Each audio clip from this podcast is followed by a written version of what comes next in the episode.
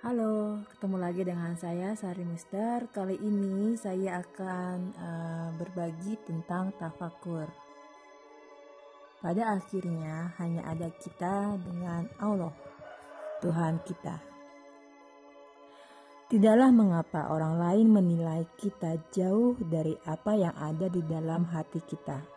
Segala kebaikan ke semua makhluk ciptaan Allah diniatkan hanya untuk Tuhan. Ikhlas, bukan mengharap pujian, bukan karena takut cap buruk dari orang lain.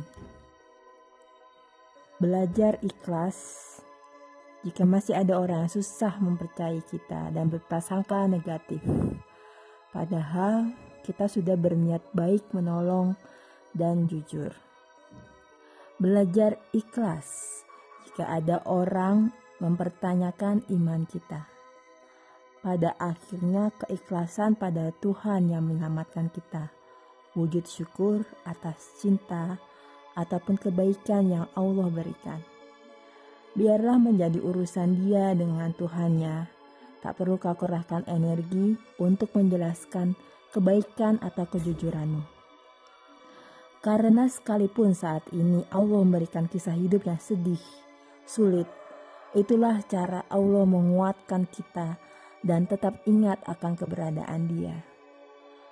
Hidup susah kita tidak seberapa dibandingkan Nabi Ayub, sementara kita bukanlah nabi yang akhlaknya sebaik Ayub.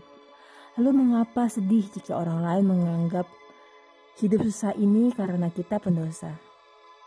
Mengapa sedih kalau orang menilai doa-doa kita belum diijabah?